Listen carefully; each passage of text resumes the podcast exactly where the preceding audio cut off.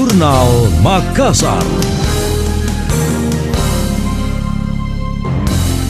Saya Emil Faris dalam Jurnal Makassar. Dana bantuan operasional sekolah bos hingga kini syarat jadi objek korupsi. Terbukti sejak tahun lalu Inspektorat Sulsel mencium adanya kong kali kong penggunaan dana bos untuk proyek layanan psikotes bakat dan minat siswa peserta didik baru di Dinas Pendidikan Sulsel. Dari isu yang berkembang, pelaksana psikotes diduga merupakan perusahaan milik keluarga Kepala Dinas Pendidikan Sulsel saat itu, Profesor Muhammad Jufri. PLT Kepala Inspektorat Sulsel Aslam Patonangis saat dihubungi via telepon, enggan berkomentar banyak banyak lantaran dirinya baru saja menduduki jabatannya tersebut. Namun ia membenarkan adanya indikasi kuat permainan kepentingan dalam proyek layanan psikotes di Dinas Pendidikan Sulawesi Selatan.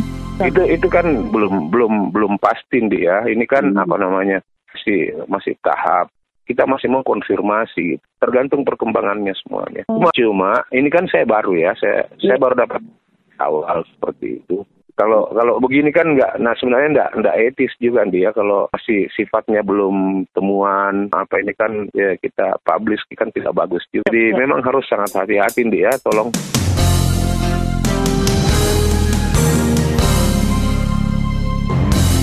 Sebelumnya, Dinas Pendidikan Sulsel selaku leading sektor sempat mengabaikan rekomendasi Inspektorat Sulsel pada 2020 lalu. Kala itu, Inspektorat meminta Kepala Dinas Pendidikan Sulsel menginstruksikan Kepala Cabang Dinas untuk memerintahkan secara tertulis kepada masing-masing kepala sekolah menghentikan tes tersebut tahun ini. Akan tetapi, Dinas Pendidikan Sulsel nyatanya masih menyelenggarakan tes tersebut. Sayangnya saat ingin dikonfirmasi melalui WhatsApp maupun telepon perihal kebenaran isu ini, Profesor Jufri yang kini telah dimutasi menjadi Kepala Kepala Disbudpar tidak memberi respon. Anda masih mendengarkan Jurnal Makassar dari Radio Smart FM.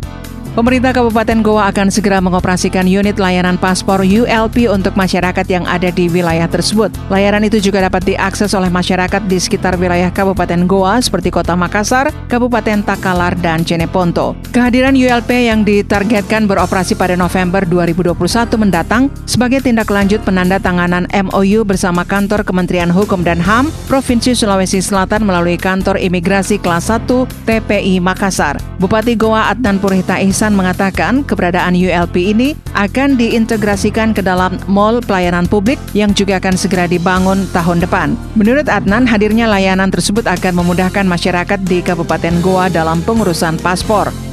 Karena memang tempatnya belum siap, lalu kemudian kesepakatan itu sudah terbangun sejak awal, maka pemerintah Kabupaten Goa menyiapkan dulu sementara tempat sementara yang bertempat di Ruko untuk pelayanan unit paspor.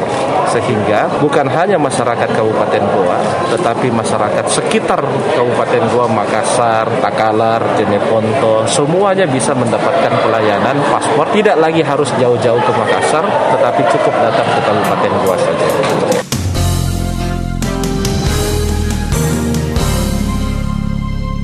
Sementara itu Kepala Kantor Wilayah Kementerian Hukum dan HAM Sulawesi Selatan, Harun Sulianto mengatakan, Kabupaten Goa dipilih untuk membuat ULP karena letaknya strategis dan mudah dijangkau oleh daerah lainnya. Harun Sulianto berharap ULP ini juga bisa memberikan nilai ekonomi dan meningkatkan kesejahteraan masyarakat setempat.